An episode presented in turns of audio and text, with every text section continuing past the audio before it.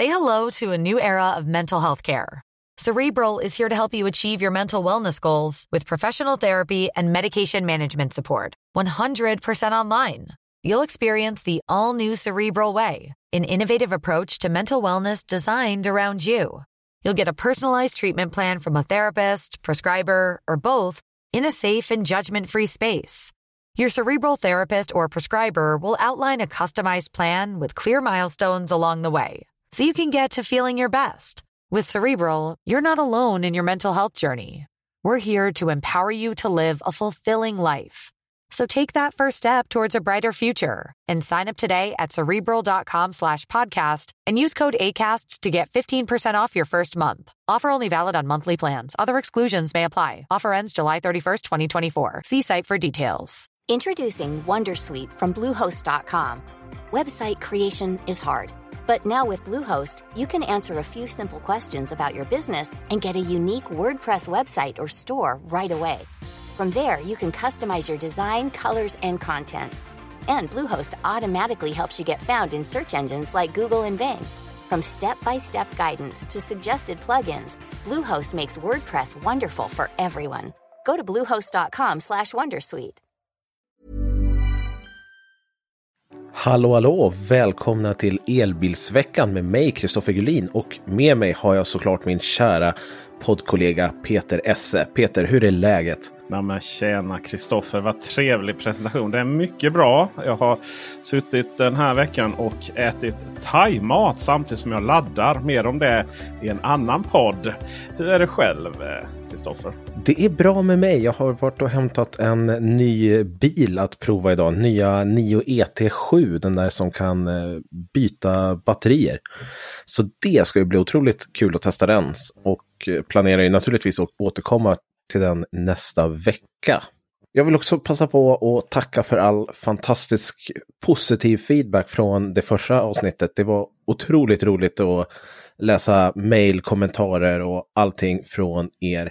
Vi hade ju dock lovat lite för mycket vad vi kanske levererade visade det sig. För vi nämnde ju i början där att vi skulle prata om Vehicle to Home. Och varför snabblandning ibland är inte så snabbt. Det ska vi naturligtvis ta och täcka den här veckan istället.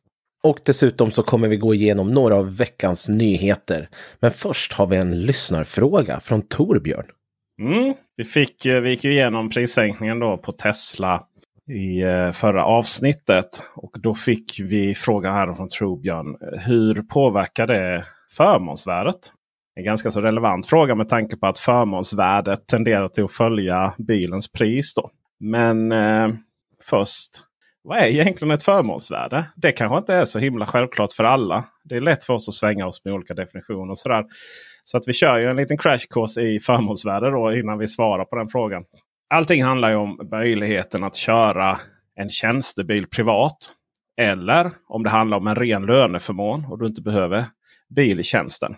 Då kallas det förmånsbil istället. Generellt sett så tror jag man brukar använda begreppet tjänstebil lite slarvigt. Men ja, där är skillnaden. Skatteverket gör ju inte heller någon skillnad på en tjänstebil som används privat och en förmånsbil. Om inte man kör mer än 3000 mil i tjänsten varje år. Och det, det är ju rätt mycket att komma upp i det. Det är väl du Kristoffer möjligtvis när du kör dina räckviddstester. Du skulle kanske kunna klara det. Ja, det, det finns nog där ja. Mm. um, och själva förmånsvärdet då. Det är ju ett fiktivt värde som läggs på den vanliga lönen. Och därmed så räknas liksom totalen upp då. Och därmed så blir det skatten blir därefter.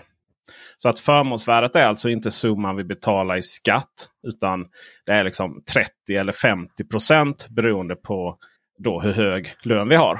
Eh, brytpunkten då för statlig inkomstskatt ligger på för närvarande 51 158 kronor för de flesta. Har man nått en ålder som ligger strax över 60 så är det lite annat. Men för de flesta ligger den där. Det ska också sägas att om du då når 51 000 i lön eller 51 158 inklusive det här. Då är det ju inte 50% på hela lönen. Det hade ju varit en en mycket jobbig brytpunkt där. Utan då är det så att säga det överskjutande beloppet. Då. Så allting över 51 158 kronor? Precis. Så säg att du har en lön på 40 000. Och sen så blir förmånsvärdet 13 000. Då når du ju över då de här 51 000. Men då är det, då är det 30% på det som är över. Eller strax under då 51 158. Och sen 50% över. Förmånsvärdet sen, eh, det är lite roligt för att eh, vi blir ju eh, vi får ju en viss perks då eh, för att vi kör elbil. Och eh, för när, innan så jämfördes elbilen med motsvarande fossilbil på ett förmånligt sätt. då. Men nu så är det så att det är bilens pris minus 350 000 kronor om vi har en elbil eller vätgasbil. Eller om vi har en Toyota så att säga. Det är väl de som har vätgasbilar. Plug-in hybrider får en eh, skatterabatt, om vi kan använda det ordet. Förmånsvärdesrabatt är det ju på 140 000 kronor. Gasbilar av någon anledning får bara 100 000. Men det är klart, det kan gå både på biogas och naturgas. Och lite beroende på det då så är det ju mer eller mindre bra för miljön. Förmånsvärdet det sätts i maj varje år. Och då kan vi då se vad som gäller på Skatteverkets webbsida. Eh, där finns långa listor med bilmodeller. Som, det blir liksom de aktuella listorna för varje modellår. Då. Så vi får liksom välja tillverkare och så får vi välja eh, bil sen. Och modellåret.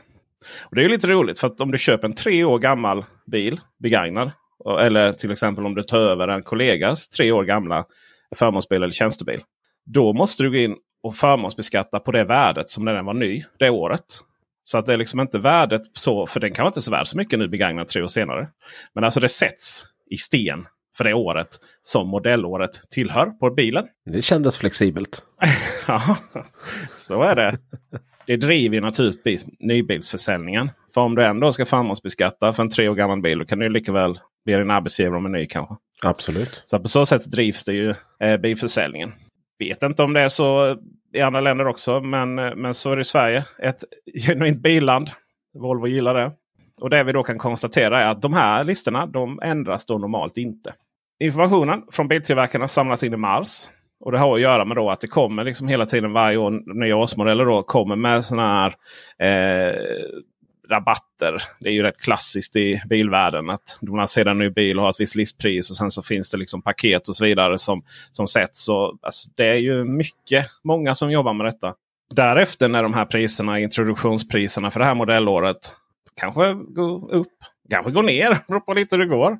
Men eh, förmånsvärdet ändras inte dynamiskt. Sådär. Sen ska ju sägas att det, kommer ju, det blir extra förmånsvärde för utrustning. Eh, för eh, om vi kollar på de här listorna så kan vi då se att eh, det är därför det finns lite officiella paket. Volvo har Core Plus. Audi har Proline Edition och så vidare. Och Det ingår då i förmånsvärdet när vi tar fram bilen. Men sen så vill vi kanske ha dragkrok och vi kanske vill ha panoramatak eller vad det kan vara. Och allting där då tillkommer. Och Då är det väldigt viktigt att veta att det är priset, listpriset på de här grejerna. Så att även om du har fått en 50 000 rabatt på alla tillbehören från bilförsäljaren så får du ändå förmånsskatta för listpriset. Och På så sätt så är det inte helt optimalt att man håller på med det här. Att man sätter de här priserna och så dealar och wheelar och så finns det några officiella priser som liksom, amen, du får x antal procent rabatt på det här. Eller alla som använder autoplan eller vad det nu kan vara har 15% rabatt. Och så. Alltså de här, det är inte helt oproblematiskt. vill jag komma till. Just att det finns vissa saker extrautrustning och vissa saker ingår i de här förbeställda paketen och så vidare. Det där gör att det är inte alltid en full korrelation mellan eh, pris som vi köper den för och förmånsvärdet. Så det gör att eh, bil A då, som är något dyrare för stunden, kan ha ett lägre förmånsvärde än bil B som egentligen, egentligen är billigare. Då. Om vi då kollar på listan från förra veckans mest sålda bilar så pratar vi då om att eh, Model Y, den som bara heter Model Y numera, förut hette den Standard Range. Eh, den var fjärde billigast av de tio mest sålda bilarna i Sverige slå in förmånsvärdet av de här bilarna. Då kan vi konstatera att den har högst förmånsvärde av alla de här 10 bäst sålda bilarna. Den har alltså ett förmånsvärde på 5 713 kronor. Givet då att det är väldigt mycket utrustning inklusive dragkrok som ingår i den här bilen. Eh, vilket vi då får lägga till på många andra bilar istället. Vi kan ju också konstatera att Volvo C40 som ju är som var den dyraste bilen av de tio mest sålda bilarna. Den ligger på plats sju istället. Efter det så har vi både Skoda Enyaq 80 och Kia EV6. Där har ni varför de skiljer en hel del. Tydligt och klart. Men alltså, nu har jag hört eh, i någon Facebookgrupp eller något sånt, någon rykten om att Skatteverket har eh, funderat på om man ska förnya de här listorna innan maj nu på grund av pressas, eh, Teslas prissänkning. Det känns ju som att det behövs lite. Ja, det här är ju intressant för att Skatteverket har ju ett serviceansvar inför allmänheten som det så vackert heter. Det vill säga man har liksom inget egenintresse av att förmånsvärde ska vara fel på bilen. Alltså du ska ju inte liksom behöva betala ett större förmån. Då. Det är ju förmån att ha bilen. Och, och har den då ett annat värde. Då är det ju någonstans som är fel. Och jag passade på, jag ringde Skatteverket och får höra mig för. Och jag måste säga att Skatteverket är för min favoritmyndighet i de här sammanhangen. De svarar alltid. Det går snabbt. Man kontaktar presstjänsten och sen så har du ett missat samtal från Skattemyndigheten. För då, då har inte ens tänkt att de ska ringa tillbaka så snabbt. Eh, Skattemyndigheten ringer alltid och svarar. Inga mejlspår här. inte. För att just när det kommer till de här frågorna så är det ju inte så här att jajamensan det fixar vi. Utan det har att göra med att det är ganska långa processer och det är mycket som ska ta hänsyn till. Och jurister ska bli involverade. Men Skatteverket har då så att säga möjligheten att förändra detta. Och eh, fick en bekräftelse att med stor sannolikhet kommer man kolla på detta. Eller man kollar på detta och med stor sannolikhet kommer man nog kunna återspegla den förändringen då. Och Då är det ju på Skatteverkets webbsida för bilförmån som alla kan komma åt och kolla. Så eh, de här ryktena eller om det är faktiskt andra som har ringt in till Skatteverket och frågat den andra vägen, inte via presstjänsten. Eh, de ser ut att stämma och med all rätt. Då. Ja, eh, om en bil sänks med 150 000 så gör ju det en hel del på just förmånsvärdet. Det får man ju ändå konstatera. Och där Torbjörn tror jag att eh, du har fått svar på din fråga. Och så hoppas vi på att Skatteverket eh, gör något åt de här listorna då.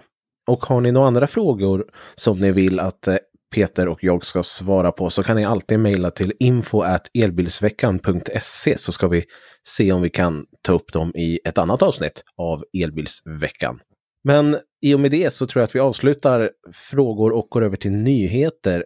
Och eh, då hörde jag rykten om en lite kyligare nyhet som du har på hand, Esse. Ja, det är ju så att eh, Polestar, för övrigt nummer sex på vår lista över eh, högsta förmånsvärden med 5067 kronor om vi har eh, ett extra tilläggspaket för 35 000 Polestar 2. De har öppnat en temporär visningslokal i finländska Rovaniemi. Eller Snow Space som Polestar själva kallar det. Space är ju namnet för Polestars mer permanenta lokaler i Malmö, Göteborg, Stockholm, Karlstad, Umeå och Landvetter flygplats utanför Göteborg. Vi säger just lokaler. Vi säger inte pop-up store eller butik. För att Polestar säljer ju inga bilar i sina lokaler. De visar ju upp dem bara. Sen får vi beställa på nätet istället. Det hela är en del av Rovaniemi Arctic Design Week som går av stapeln i slutet av mars. Själva lokalen är en 12 x 12 x 12 meter stor kub. Inspirerad av Polestars huvudkontor i Torslanda. Helt byggd i is och snö från trakten. För att bygga den så fick Polestar frakta dit 3000 kubikmeter snö från skidområdet Onasavara. Ja, jag har faktiskt kollat med en finländsk kompis som uttalade rätt och han gav ett ja, godkänt i alla fall. Naturligtvis med ellastbil. Ja, det var det som var min fråga. Ja, självklart. Alltså det är så himla korrekt allt detta. För att när det är dags att riva det här bygget så kommer allting att återföras till området där det togs ifrån. Inuti kuben hittar vi en Polestar 2-bil naturligtvis. Samt skulpturer av stötdämpare, bromsare och hjul som är gjorda i is. Utanför så finns det faktiskt ett par Polestar 2-bilar att provköra. Men du Kristoffer, Finns det något att lära sig av den här nyheten förutom att det krävs 3000 kubikmeter snö för att bygga en eh, eh 1700 kubikmeter stor snöhydda? Eh, alltså det, det, jag kommer att tänka på är att eh, om man har en bilmodell att sälja och ingenting annat. Då, då är kanske 3000 eh, kvadratmeter snö det man behöver för att sälja den bilen ännu mera. Polestar är ju, de är ju mästare på marknadsföring alltså de gör väldigt mycket roliga saker. Mm, det gör de. Och eh, det är pressmeddelande efter pressmeddelande med samarbete med cykeltillverkare. Det är eh, Super Bowl-reklam i USA. Eh, de är mycket duktiga på det. Men jag tror det behövs det om man nu har en bil som är nu snart tre år gammal. Och det är ju mer eller mindre ett år nästan innan Polestar 3 kommer att börja levereras. Har man sagt december 2023 eller Q4 2023? Alltså Q4 har man ju sagt. Så att några kommer ju hinna här nu i, kanske innan december. Men eh, november, december i slutet av året här så är det, är det dags om allting går som det ska. Så att vi får väl se om snökojorna blir större och större här. Om vi får se ett sandslott framöver. Är det något bilmärke som skulle göra det så är det Polestar. och när vi ändå pratar om Polestar så har vi ju Polestars halva ägare i alla fall, Volvo, som denna vecka har kommit ut med eh, uppgifter om deras elbilar för 2024. Vi nämnde ju det bara snabbt i förra veckan att eh, eh, Volvos nya elbilar nu är bakhjulsdrivna, men den här veckan så har de kommit ut med lite mer information. Det handlar alltså om Volvos XC40 Recharge och Volvo C40 Recharge. Den stora nyheten här är att bilarna är bakhjulsdrivna om man väljer tvåhjulsdrivet. Andra nyheterna med det här är batteristorleken. Dels standard range som finns på 69 kilowattimmar och det är det batteriet som vi har sett tidigare modellår på single engine eller vad de nu kallas. Men de kommer också med ett nytt större batteri på 82 kilowattimmar som tar de här bilarna över 50 milsgränsen. Tidigare modellår så har de ju legat närmare 40 mil än 50 mil och det är ju någonting som jag i alla fall har klagat mycket på. Men nu så blir det alltså den här magiska 50-gränsen som många vill åt. Den nya räckvidden enligt VLTP på en XC40 Single Engine Standard Range blir alltså 460 kilometer och en long range med det stora batteriet hamnar istället på 515 kilometer. En C40 Single Engine Standard Range hamnar på 467 kilometer och en long range hamnar på 533 kilometer. Men de här bilarna kommer ju också med fyrhjulsdrift och då är det bara det stora batteriet på 82 kilowattimmar som är eh, att välja på. Och det är alltså standarden.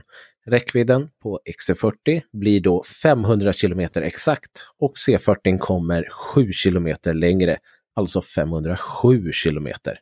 Här blir även laddningen snabbare om man väljer det stora batteriet på upp till 200 kilowatt istället för tidigare 150 kilowatt.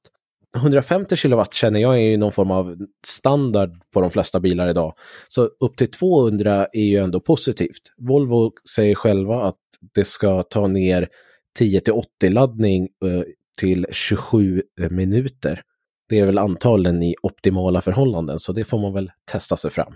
Priserna på de här bilarna ska börja på 610 000 kronor för XC40, 627 000 för C40 och då är det ju med det lilla batteriet.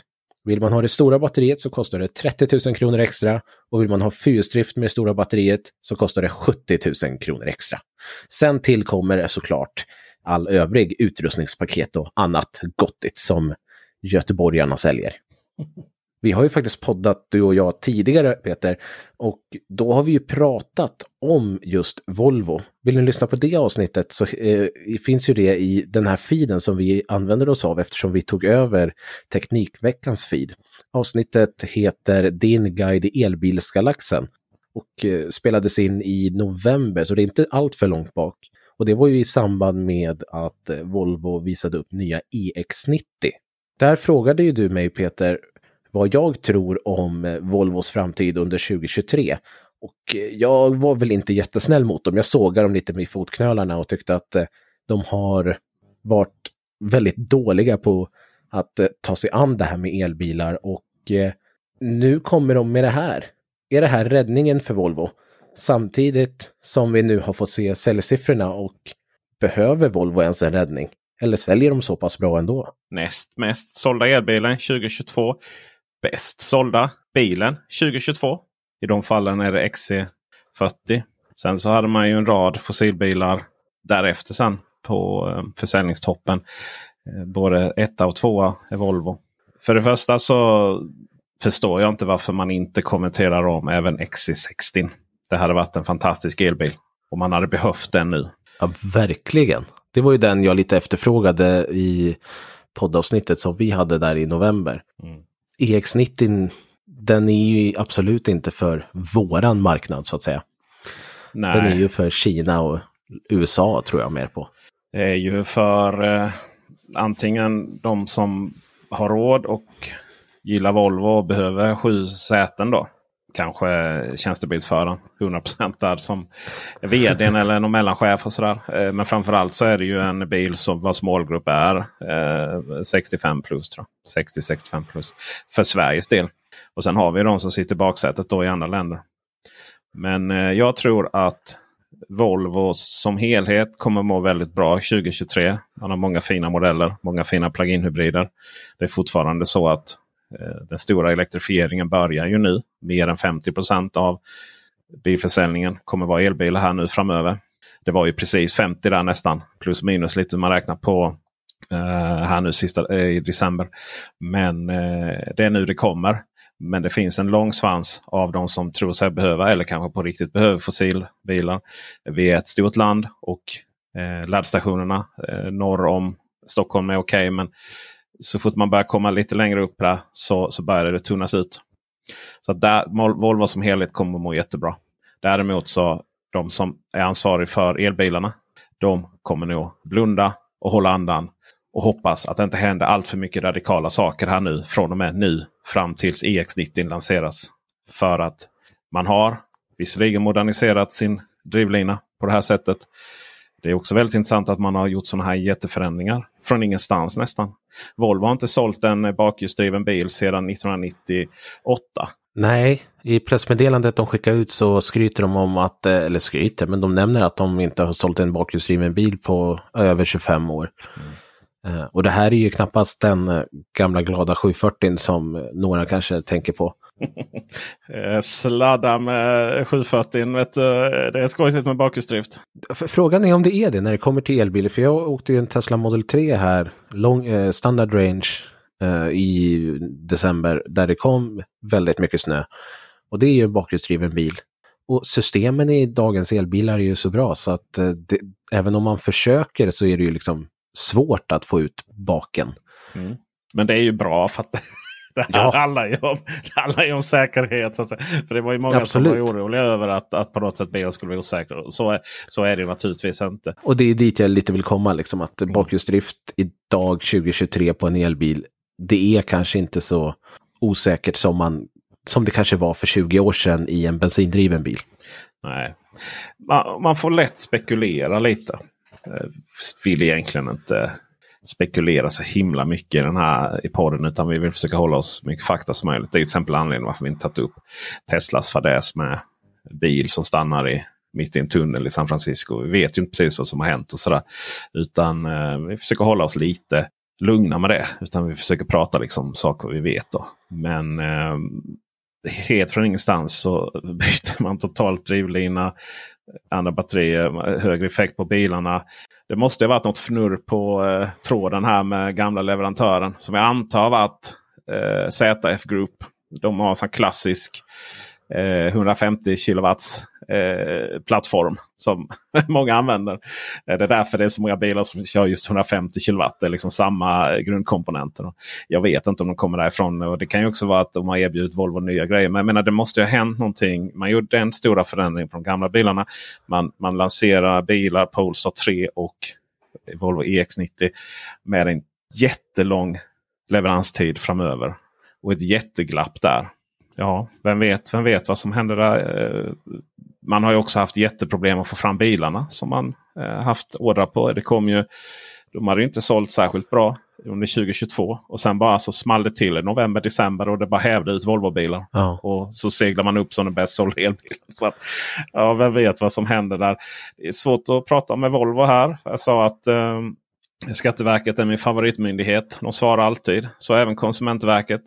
Men, eh, men eh, eh, det är lika svårt att få tag på Volvo som det är att få tag på Svenska kraftnät kan jag säga. det, det, det, är, de, de använder den här PR-stilen. Om du, inte har något, om du inte kan svara något enkelt och bra så svarar man inte alls. Um, tyvärr. Men så är det. Vi vet inte riktigt vad som har hänt. Volvo kommer att överleva det här året 2023. Det är helt övertygad om. Det, det tvekar jag inte men, eh, men man kommer naturligtvis ha jättesvårt att hävda sig mot, mot eh, eh, till exempel nu. Jag sa att man blundar och hoppas på att ingenting händer. Men året började inte så bra för dem med Teslas prissänkning. Det kan vi konstatera. Jag ska faktiskt eh, ut och provköra en, eller lå, jag låna en XC40 Recharge eh, Twin Engine eh, modellår 2023 då, då. Så den här blir ju, ja den är ju fyrhjulsdriven men det är ju den här med framförallt framhjulsdrift då. Mm. I slutet på januari. Jag har ju som sagt sågat dem tidigare och se om de har blivit lite bättre nu. Det får vi se. Det jag tycker är lite synd är att infotainmentsystemet, skärmen är så lågupplöst. Det, det är nog det som jag tycker känns, börjar kännas mest gammalt. Då. Ja, det kan jag hålla med Introducing Wondersuite from Bluehost.com. Website creation is hard, but now with Bluehost, you can answer a few simple questions about your business and get a unique WordPress website or store right away. From there, you can customize your design, colors, and content. And Bluehost automatically helps you get found in search engines like Google and Bing. From step-by-step guidance to suggested plugins, Bluehost makes WordPress wonderful for everyone. Go to bluehost.com/wondersuite. Volvo EX90 och Polestar 3. De, eh, framförallt Volvo pratar mycket och gör reklam om eh, att man ska kunna koppla in den tillbaka till huset och sådär. Så att den ska kunna, eh, man ska kunna få tillbaka el från bilen. Och eh, det är ju vad vi i folkmun kallar då Vehicle to Home. Vad är då Vehicle to Home? Jo, det är ett begrepp vi inte ska använda. För det är ett felaktigt begrepp. Kan vi börja med att konstatera. Varför är det felaktigt då? Jo, det finns tre saker i det här sammanhanget. När det handlar om att ta ström från bilen. Det är Vehicle to Load, det är Vehicle to Home och det är Vehicle to Grid. Vehicle to Load det är att du laddar dina prylar rakt ifrån bilen. Det kan vara till exempel som i Honda E där du har ett 230 volts-uttag in i bilen. Perfekt! Du kan ha din eh, Mockamaster där liggandes på golvet så du kan brygga kaffe medan du laddar. För det är ju någonting man behöver ofta med den bilen. Alltså alla elbilar borde ha ett 230 volt på insidan. Det är ju inte gratis va? För det krävs ju en, eh, en eh, växelriktare. Alltså att du gör om likström till eh, växelström då, som du tar ut. Men jag hittade bara i de billigare bilarna. Ja, hittade bara i billigare bilar. Precis. Mazda MX30 hade den också till exempel. Ja, ja exakt. Ja. Ja. Vi har framförallt Kia EV6 och Hyundai Ionic 5 och 6. Där får du med en liten adapter som du stoppar i, eh, i ladduttaget. Så om du sen då kan koppla in eh, din, dina prylar på. Du får ungefär 2,3 kilowatt. Så att det är ju, alltså har du väldigt många förlängningskablar och så turas du om att inte ta på mikron och eh, vattenkokaren samtidigt och rosten. Om du, liksom, om du kan turas om där lite då kan du driva, då kan du driva liksom de flesta prylarna i hemmet. Du får ha många sådana extra. du vet, så här, jag kallar det för delardoser, det heter det ju inte. Men så här, Ikea, liksom, du har sex stycken. Uh, ja, grendosa är grendosa är grendosa nästan. Tack! Grendosa, mycket grendosa. Ja, precis. uh, det här är ju inte rekommenderat. Alltså, herregud, ta inte detta som, som allvar. Men rent, ja, alltså, så, se till så att ni får räkna hur hög effekt prylarna tar. Men det där är ju liksom lite på lite halvt plojgrej och så. Men visst, du kan koppla in din elgrill där bak i bilen. Sen har vi då eh, Vehicle to Home och Vehicle to Grid. Och anledningen att många blandar ihop de här, vad man egentligen menar. Det är ju det att Vehicle to Grid, det är ju det som folk vill ha. Det vill säga att du kopplar in laddboxen till bilen. Och sen så ger bilen hela huset ström. Ungefär, eller nästan exakt så som solpaneler fungerar. Och det du inte använder i huset, ja men det skickas vidare ut på nätet. Och så får du betalt för det. Så Vehicle to Grid, en bil som stödjer det. Det funkar exakt samma princip som solpaneler. Och då har man liksom en, eh, en växelriktare där också. För precis som bilen så producerar eh, solpaneler eller solceller likström. Och så ska det göras om till växelström och därför behöver vi då en växelriktare. De är ganska stora för övrigt. Och då börjar ni inse då att men vadå, kan jag inte använda min vanliga laddbox? AC-laddaren? Nej, för att bilen den har ju en likriktare i sig. Det är därför du AC-laddar bilen. Men sen så gör den om det till likström in i bilen. När du ska skicka tillbaka den sen. Den processen har visserligen vehicle to load-bilarna då, men det är ju liksom en fas 3,6 kilowatt. Eh, elbilarna ska skicka ut 11 kilowatt. Och ska det göras om då till eh, växelström. Så att då behöver vi laddbox med Eh, växelriktare eller inverter kan man också säga. Så därför är anledningen till att vi inte har vehicle to grid i dagsläget. Volkswagen har ju väl egentligen aktiverat det med mjukvaruuppdatering 3.0 eller om det är 3.1. Och Du får information uppe i, i bilens infotainmentsystem om detta. Det finns alltså inget sätt att göra det på. Och det är faktiskt så att CCS-standarden, alltså den kontakten som vi använder för att ladda DC-ladda våra bilar när vi är ute och snabbladdar på stan. Den standarden för Vehicle to Grid, den är inte klar ännu. Då får, hamnar vi i ett läge där eh, biltillverkarna, och det här har jag försökt ta på Volvo, det är därför jag inte säger de svarar. Jag får liksom inget svar på dem. Alla pratar om det här, men vi stödjer allting. Sen när det kommer. Ja, men vad är allting och när kommer det? liksom? Och eh, ladd, laddtillverkarna de säger inte så mycket. Men vi har några AC-laddare. Eh, till exempel eh, ChargeAmp säger att deras eh, AC-laddare stödjer Vehicle to Grid. I och med att de har stöd då för det här ISO-protokollet 15118. I och med att den inte har någon växelriktare i sig så kan den aldrig ta ut någon ström ifrån en bil som skickar ut DC. Så där är lite sådär så köper man den idag och så tänker man att jag har en Volkswagen ID4. De har lovat Vehicle to Grid. ChargeAmp säger att de stödjer detta. Eller kommer att stödja med framtida uppgraderingar.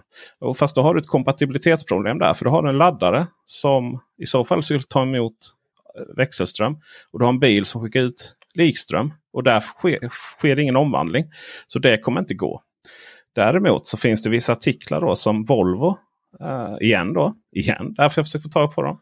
Där man eh, hävdar då att nej, vi tycker inte att folk ska behöva ha några dyra sådana laddboxar med växelriktare hemma. Eh, och då insinuerar man då att bilen skulle ha det istället. Men där är man väldigt, väldigt otydlig. Och igen så får vi inget svar. Det vi vet är att de första bilarna, Volkswagen, ID4 med flera. De kommer bara skicka ut DC-ström. De kommer bara skicka ut via CCS-kontakten. Och trots att standarden inte är redo för detta så är det på G. För vi har då Wallbox Quasar 2 som är på väg ut på marknaden. Det är alltså en laddbox som laddar bilen med DC-ström. Alltså den omvandlar växelström redan i boxen. Och den kan då dra ifrån, alltså tömma ut bilen på likström. Och sen omvandla den då till växelström. Och så har vi Vehicle to Grid. Quasar 1. För vi sa ju att det fanns en Quasar 2 ju. Precis, och då blev ju min nästa fråga. Finns Quasar 1 och vad gör den då? Mycket bra fråga.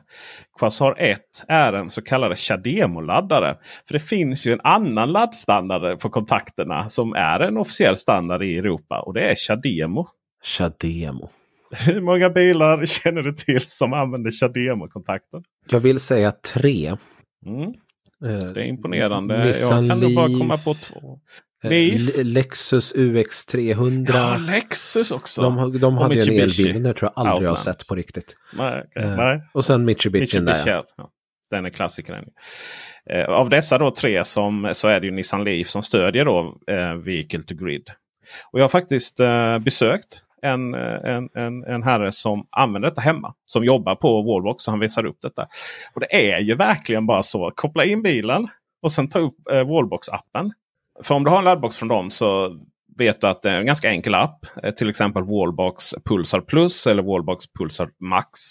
Eh, du ställer in vilken laddeffekt du vill ha genom att eh, bara vrida, liksom, så här, dra upp i en cirkel. Så, jag vill ha 16 ampere lika med 11 kilowatt. Typ teoretiskt. Ja, men typ 10 kilowatt. Eh, dra ner den lite. 8. Ja, då är det hälften liksom. I, om du har en Quasar 1. Då kan du dra ner den som minus istället. Och då kommer bilen börja skicka ström in till ditt hus och sen vidare ut på nätet. Och då, för, för att överhuvudtaget få igång det idag, liksom, nätägarna de vet inte ens vad de ska göra med, med de som ansöker om det här. För att, eh, alla sådana här växelriktare de måste vara godkända. De måste finnas med på en lista. Eh, så, så att, Eh, och det gör ju denna. Men alltså, då, då, får man typ ha ett solcellsavtal eller någonting för att överhuvudtaget kunna installera den. För att allting måste ju godkännas av nätägaren. Då. Men så enkelt är det. Bara, man bara, ja, bara minskar den. Sen finns det så automatik också eh, på den och så. Så den kan liksom anpassa sig upp och ner och sådär. Eh, men med detta eh, så har du en Nissan Leaf idag så kan du faktiskt åka och ladda den när det ja, men du vet så här, det är svindyrt med el. Så, så har du ett Ionity-avtal då. Har du inte alls det för du kan inte CHAdeMO-ladda med Ionity. Det var en väldigt dålig liknelse. Men du hittar någon billig, billig, billig CHAdeMO-laddare. Du, la, du laddar din Nissan Leaf och sen kör du hem och kopplar upp det på nätet och säljer elen dyrt. Då, liksom. Jättesmart. Är det så man måste göra för att uh, tjäna in pengarna på vad en sån där kostar? Nej, det kommer du inte göra. Alltså, det är 50 000 kostar den här. Oj. 54 000 tror jag. Ja, ja. Det var kanske lite mer än vad jag hade tänkt mig. Så att, men i framtiden, det här är ju jättestort. För att vi kommer att ha batteriproblem. För att batterierna är lösningen på um, de här stora svängningarna vi har på effekten. Då. Alltså det vill säga att eh, det används ganska lite effekt på natten och sen på dagen så, eller mellan på morgonen och på kvällen används det väldigt hög effekt. Ehm, men våra kan säga, våra produktionsanläggningar funkar inte riktigt på det sättet. Då. Vattenkraften kan du reglera rätt bra. Vindkraften kan du inte reglera alls. Utan då reglerar vattenkraften efter vindkraften. Så att de balanserar ut varandra hyfsat. Kärnkraften kan du inte ta upp och ner på det sättet riktigt. Och eh, då hamnar man liksom i eh, planeringssvårigheter. Och det är, det är det mycket av diskussionen handlar om i dagsläget. då. Och, eh, men, men hade det funnits batteri i varje hus och på industri och så vidare. Då hade vi, då hade vi inte behövt de här effektförändringarna. Det tar ju bara batterierna. Och sen hade vi använt från batterierna. Sådär. Men det där kommer inte riktigt mineralerna räcka till för. Utan det är redan nu brist på liksom batterier sådär till hus och sånt. Och dessutom är det så att husbatterier är snordyra verkligen. Alltså ska man ha solpaneler och husbatterier och såna, hela den lösningen. Så många hundratusen där. och det ja, det, ska till, det tar några år att spara in kan jag säga. Men eh, har du då en bil som står utanför som har dessutom mycket större batteri än vad husbatterierna är. Och du har bättre batterier ska sägas. Jag tror att i framtiden kommer husbatterierna baseras på bilbatterier som inte används längre. För det är helt andra effektnivåer där. Eh, jag menar hus drar inte så himla mycket. Men liksom ska man accelerera upp på en, eh, in i en rondell och behöver full kraft på bilen så drar du rätt många kilowatt. Eh, så det, det, det, här är en så himla rolig framtid faktiskt. Bilarna blir en del av hela effektbalansen. För att jag trodde innan, jag har sagt fel i det här videos flera gånger. Jag trodde liksom att det någonstans var en hierarki här. Vehicle to load. Och sen därefter kom vehicle to home. Och sen därefter kom vehicle to grid. Men vehicle to home kommer vi nog aldrig riktigt ha. För vehicle to home det är ju att huset kan gå off grid. Det vill säga att bilen kan ge huset ström även om, även om det är strömavbrott i nätet för övrigt. Men det kan man inte göra idag. Du kan inte göra det med solceller och batteri heller. Alltså har du solceller, det skiner som bara den. Och du har batteri som är fullt av hur mycket ström som helst. Om eh, nätägaren då alltså behöver stänga nätet till exempel för att eh, det behövs en reparation eller ett, ett trä har fallit över ledningen. Eller min favorit en thai-lykta. Ni vet som man eh, sådana som eh, man tänder eld på så lyfter de och så ser det jättefint ut. Landa i ett ställverk i Malmö på nyårsafton så hela stan blir strömlös. Oj, det lät som en erfarenhet. Det är tur att inte jag var i hissen då kan jag säga. uh, nej, det var många som fastnade där. Det var ja, thailyktor i ställverk, inte bra. Uh, då så måste då bryts strömmen överallt. För att om du inte bryter strömmen då kan det ju vara ditt hus som skickar ut strömmen istället. Och så kommer lilla reparatören där och ska ut och fixa ledningen och så får han eller hon en ganska så stark kyss. Alltså då finns inte den, den reparatören längre. Så Vehicle Home är nästan som ett så dieselaggregat. Eh, vet du vad som följer med dieselaggregat om du ska koppla in det och off-grida ditt hus? Alltså koppla bort det från nätet helt. Inte jättehemma på dieselaggregat, nej. Nej, då får du järnspett som du måste dra ner i marken. Vet du varför? Nej. Jord är bokstavligt talat jord. Ja. Du måste jorda hela systemet. ja. Just det. Och eh, sen så, jag menar det här med att vi har 50 hertz i nätet. Eh, och att vi har 230 volt och jord. Det är ju inte av Guds gåva given utan det är bara något, några specifikationer man har bestämt. Då. Så helt plötsligt om du ska uh, köra Vehicle to Home då måste du ha lösningar med automatisk frånkoppling. Om nätet skulle gå ner då måste du liksom direkt där koppla från huset. Du måste se till så huset har egen jord. Att liksom du har 50 Hz, att du har 230 volt. Typ så.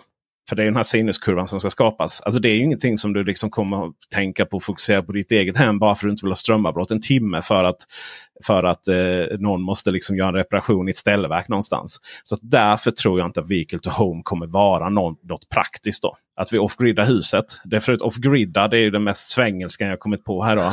Men att vi sätter liksom huset och, och, uh, utanför nätet vid behov. Det är ju ingenting som gemene man eller kvinna kommer göra. Utan det är liksom i så fall industrier, sjukhus. Alltså det är mycket de, de måste ju kunna köra Eh, Eh, med liksom, eh, de kör ju med dieselaggregat om strömmen skulle gå.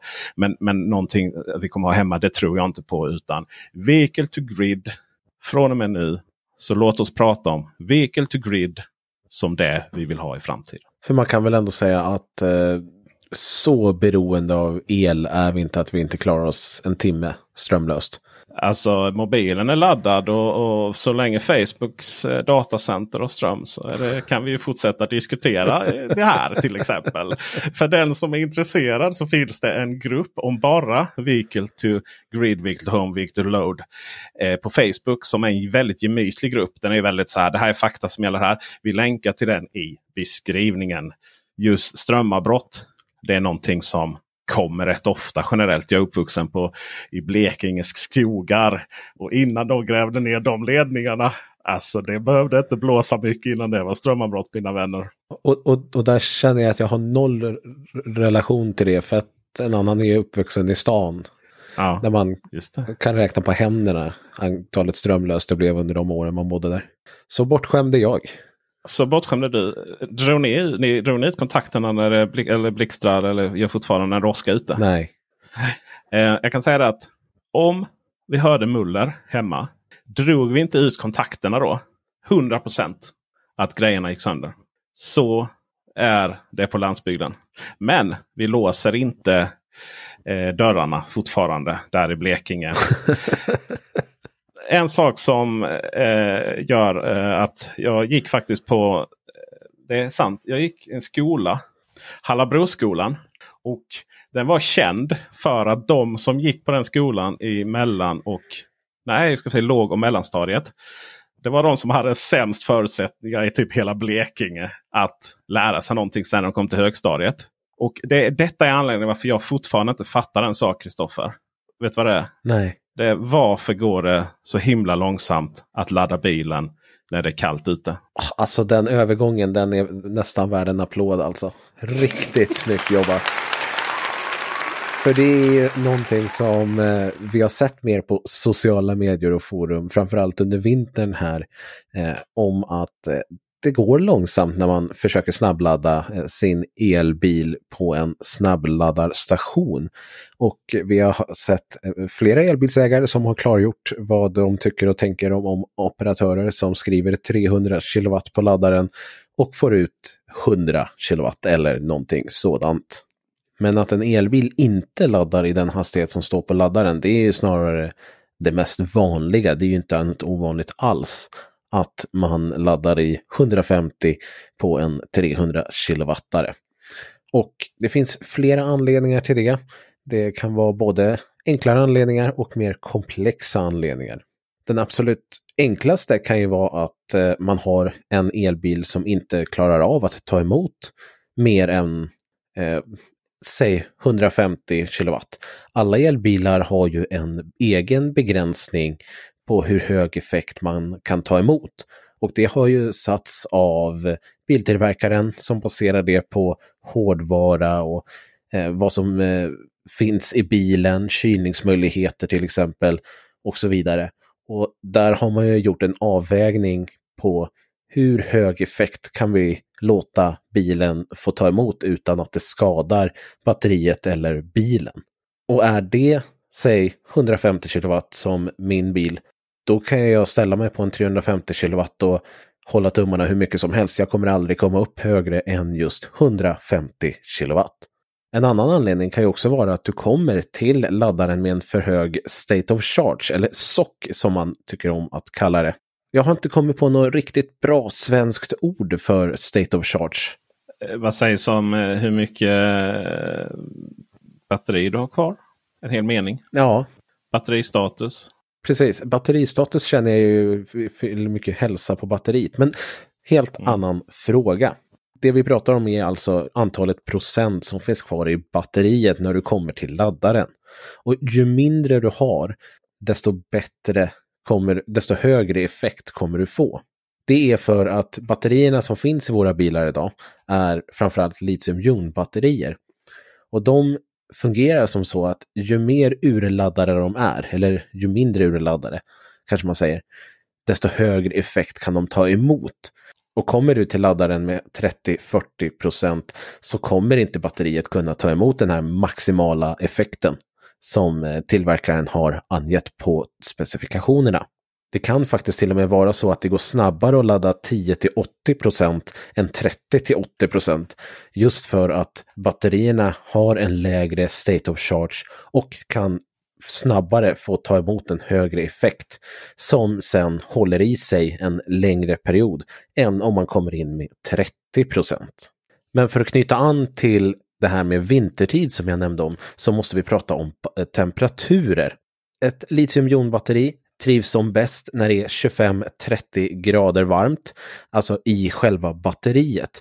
Och på vintern så vet vi ju att i Sverige så kan det väldigt lätt bli minusgrader. Det kanske inte är något ni i Malmö är så vana vid, men Stockholmsområdet och uppåt så vet vi vad minusgrader är för något. Och har vi bilarna står ute så blir ju även batteripacken kalla och eh, har du ett batteripack som är runt 0 grader eller till och med minus, då kommer du inte komma i närheten av en hög effekt, utan då kommer du ligga på en låg effekt. Och det är därför många elbilstillverkare numera värmer upp batterierna inför en snabbladdning, för att man ska få en högre effekt. Det är ju rätt intressant för att för inte så många år sedan så efterfrågade vi kylning av batterierna. Det fanns ju inte alltid vilket gjorde att om du DC-laddade eh, nära på varandra då blev ju andra laddningen också långsam. För då helt plötsligt så var batteriet för varmt. Precis, för det är ju åt andra hållet istället. 25-30 grader är vad de trivs med, men det kan ju naturligtvis gå högre.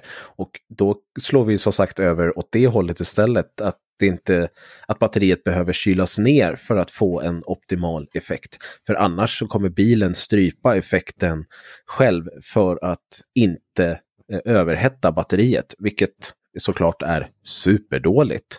Och det är till exempel rätt intressant. För man pratar ju om att elbilar behöver ingen grill för du behöver inte ta in luft till motorn. Ju.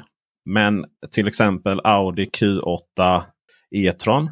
Den har en dynamisk grill. Så att när den behöver kyla ner, att den känner att den behöver kyla ner batteriet. Då öppnar den spjällen och drar in massa kallluft. Och sen när det inte behövs, då stänger de dem och luft, alltså optimerar luftmotståndet istället. Det är, rätt, eh, det är en ganska smart lösning. Det är Faktiskt väldigt vanligt på elbilar idag. Även MG4 som jag körde hade det eh, med luckor under. Om man ska, regplåten, om man ska säga det så, som den öppnar. Ja, det är där nere det kommer ja. in. Okej, okay. ah, så där. Att en elbil inte behöver grill, det är ju en sanning med modifikation. För de har ju en grill så att säga. Fast de har flyttat ner den. Eh, ner i mm. batterinivå höjd. Men de behöver ju liksom inte en grill för att kyla motorn på det viset. Så att det är ju en sanning med modifikation. Men jag vill också nämna en sista punkt här om varför det kan gå långsamt och det har ju med själva laddstolpen att göra. Många laddstolpar idag har ju två CCS-kablar på sig eller en CCS eller en CHAdeMO och så vidare. Och allt som oftast så delar de här effekt med varandra.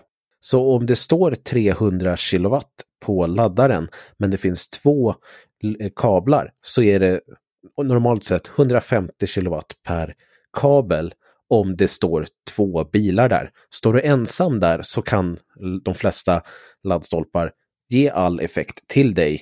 Men kommer någon och ställer sig bredvid dig då kommer du se att din hastighet eller din effekt sjunker. Ett tydligt exempel på det här är ju Teslas V2-laddare som har två kablar, både CCS och eh, deras egna kontakt, som klarar upp till 150 kilowatt. Där har Tesla designat systemet så att de är uppbyggda i par, vilket också då gör att de delar effekt med varandra. Så om du står och laddar vid en Tesla-stolpe och någon annan kommer och ställer sig bredvid dig så kan det bli så att din effekt sjunker till just 75 kilowatt också. Så om man kommer till en Tesla-station så är det alltid bra att ställa sig med en bils mellanrum just för att undvika det här problemet. Om det finns plats såklart. Finns det inte plats så får man ju bara gilla läget. Det är så det är. Just när det kommer till Tesla så måste de här V2-stolparna bort. Ju. Um, det av flera anledningar. Dels så är det ju väldigt korta kablar, precis som på version 3. Medan 4 då, som kommer här nu har eh, längre kablar. Men dels så skapar ju den här eh, egna Tesla-kontakten mycket förvirring. Och den togs ju fram innan CCS-standarden blev klar. Så att eh, gamla Model S och X har ju dem. Och sen så kunde du uppgradera dem till CCS också. Så får du en adapter som du trycker in för att kunna CCS-ladda. Eh, men de är de enda som kan använda Teslas egna sådana kontakter. Men de ser exakt ut som typ 2-kontakterna som vi har hemma. Vilket gör att just i till exempel i Falkenberg så har jag stått och hjälpt många där. Eh, många, men några stycken och informerat dem att okej, okay, men här står en bil inkopplad med CCS. Då kan inte du försöka koppla in den här Tesla-kontakten i din Skoda Eniac. Tyvärr liksom. Eh, för just i Falkenberg så är det också så många. Alltså man parkerar från olika håll där. Och det är en jädra röra i, på den laddplatsen. Den Tesla-platsen. Det finns ingenstans att köa. Det är bara misär där ibland på sommaren. Så eh, eh, det skapar en viss förvirring där. Vi ska också säga sådana klassiska 50 kW laddarna som finns lite överallt. Som framförallt mer använder. Där det finns en eh, CCS på 50 kW. En Chademo på 50 kW. Och sen finns det ofta en AC-laddare också på samma stolpe på 43 kW. Lidl använder de nästan allihopa till exempel. Precis, det är nog gamla ABB-laddare som jag inte tror används längre. Men E-Ways eh, mer och lite sådana här. Ja. ja, men exakt. Väldigt så klassiskt. Och där är ju även eh, det samma som används hos eh, på Gotland allihopa utom eh, Recharge-laddarna nu som håller på att byggas upp på Gotland här som ska klara åtta stycken nya utanför McDonalds. Eh, på Gotland, Visby. Eh, men där, där är så. Och om du har CCS-kontakten inkopplad eller Chademo. Det är samma effekt. Så att det går inte att koppla in dem samtidigt. Det är så många försökte göra. Jag tänkte oh den här är ledig, gud vad bra. Och så står du bara och väntar på liksom laddning. Då händer aldrig någonting. Det är ju ett frustrerande felmeddelande man får. det är ett, den, den, den gäller ju för alla felmeddelanden på den, den laddstolpen. Sen är det ju 42 kW-den AC-laddaren. Det är ju väldigt få bilar som kan äh, ladda de 43. Ja, det är väl bara en? Ja, det är två. Ja, är det två stycken? Ja, typ. Ska vi börja med den som finns? Renault Zoe som inte har DC-laddning. Precis. Sen så är det ju Lotus Elettre. Som ju kommer upp i 32 kilowatt. Tror jag. Lotus Elettre alltså. Ja, jo men 32. Det namnet, kan vi prata lite om det? Alltså, Absolut. Jättegärna. Electre trodde jag ju. Ja, jag uttalar också fel flera gånger. Ja, jag tänkte, men grejen om, om, om, om, du inte vet det så man vet inte om jag säger Electra eller Electra. Det är så här, du vet, pratar man tillräckligt snabbt så blir det, först tror jag den heter Lotus Electra. Men, och det varit ett jättefint namn ja. på en bil. Eh, jättetrevligt. Alltså, den är ju bara så här, den är sjuk. Den, den, har ju, den laddar ju så här 350 kW DC. Där har ju någon skrivit en önskelista och bara fått det. ja, precis. Och, eh, eller så ville, ville de sätta press på Polestar och Volvo. Då. Så det är ju Geely-bolag allihopa.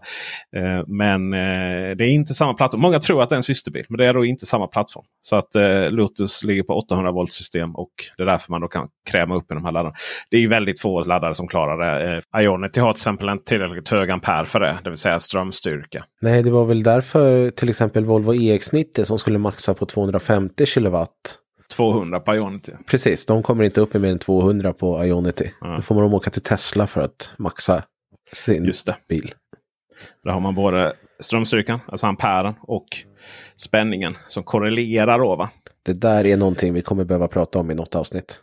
För det är knappt att jag hänger med. Det ska vi prata om eh, i kommande avsnitt. Det här med vad är ström egentligen?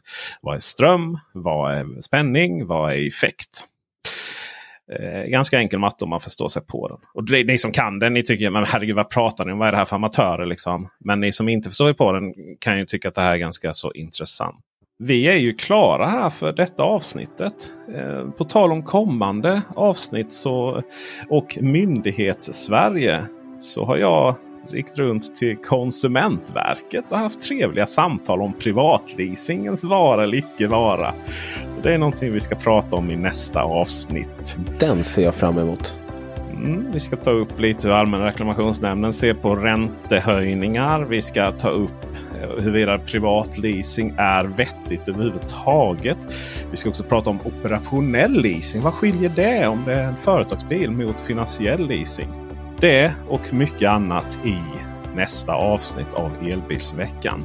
Om ni vill nå Kristoffer så mejlar ni honom på kristoffer.elbilsveckan.se. Och om ni vill nå Peter Esse så mejlar ni honom på esse.elbilsveckan.se. Och eh, Det var lite roligt faktiskt. Vi fick, jag fick en feedback på ditt ljud förra veckan. Ja, det, jag läste någon kommentar på Instagram också om det. Jag hoppas att eh, den här avsnittet har varit mycket, mycket bättre eftersom jag införskaffade en ny mikrofon som jag hoppas verkligen har hörts. Ja, det har det. Du låter magisk. Ehm, och det är ju så att eh, vi försöker förbättra oss hela, hela tiden. Så var verkligen inte rädda att skicka in feedback, frågor och vill ni att det kommer då till oss båda då om ni vill ge eh, feedback på bådas ljud eller liknande. Då kan ni bara köra iväg info elbilsveckan.se. Och vill ni ha länkar och sådär. Vi lovade ju lite länkar till eh, bland annat en Facebookgrupp. Så hittar ni den under elbilsveckan.se. Med det så tackar vi för visat intresse. Hej! Hej! For the ones who work hard to ensure their crew can always go the extra mile and the ones who get in early so everyone can go home on time. There's Granger, offering professional grade supplies backed by product experts so you can quickly and easily find what you need. Plus, you can count on access to a committed team ready to go the extra mile for you. Call, clickgranger.com, or just stop by. Granger, for the ones who get it done.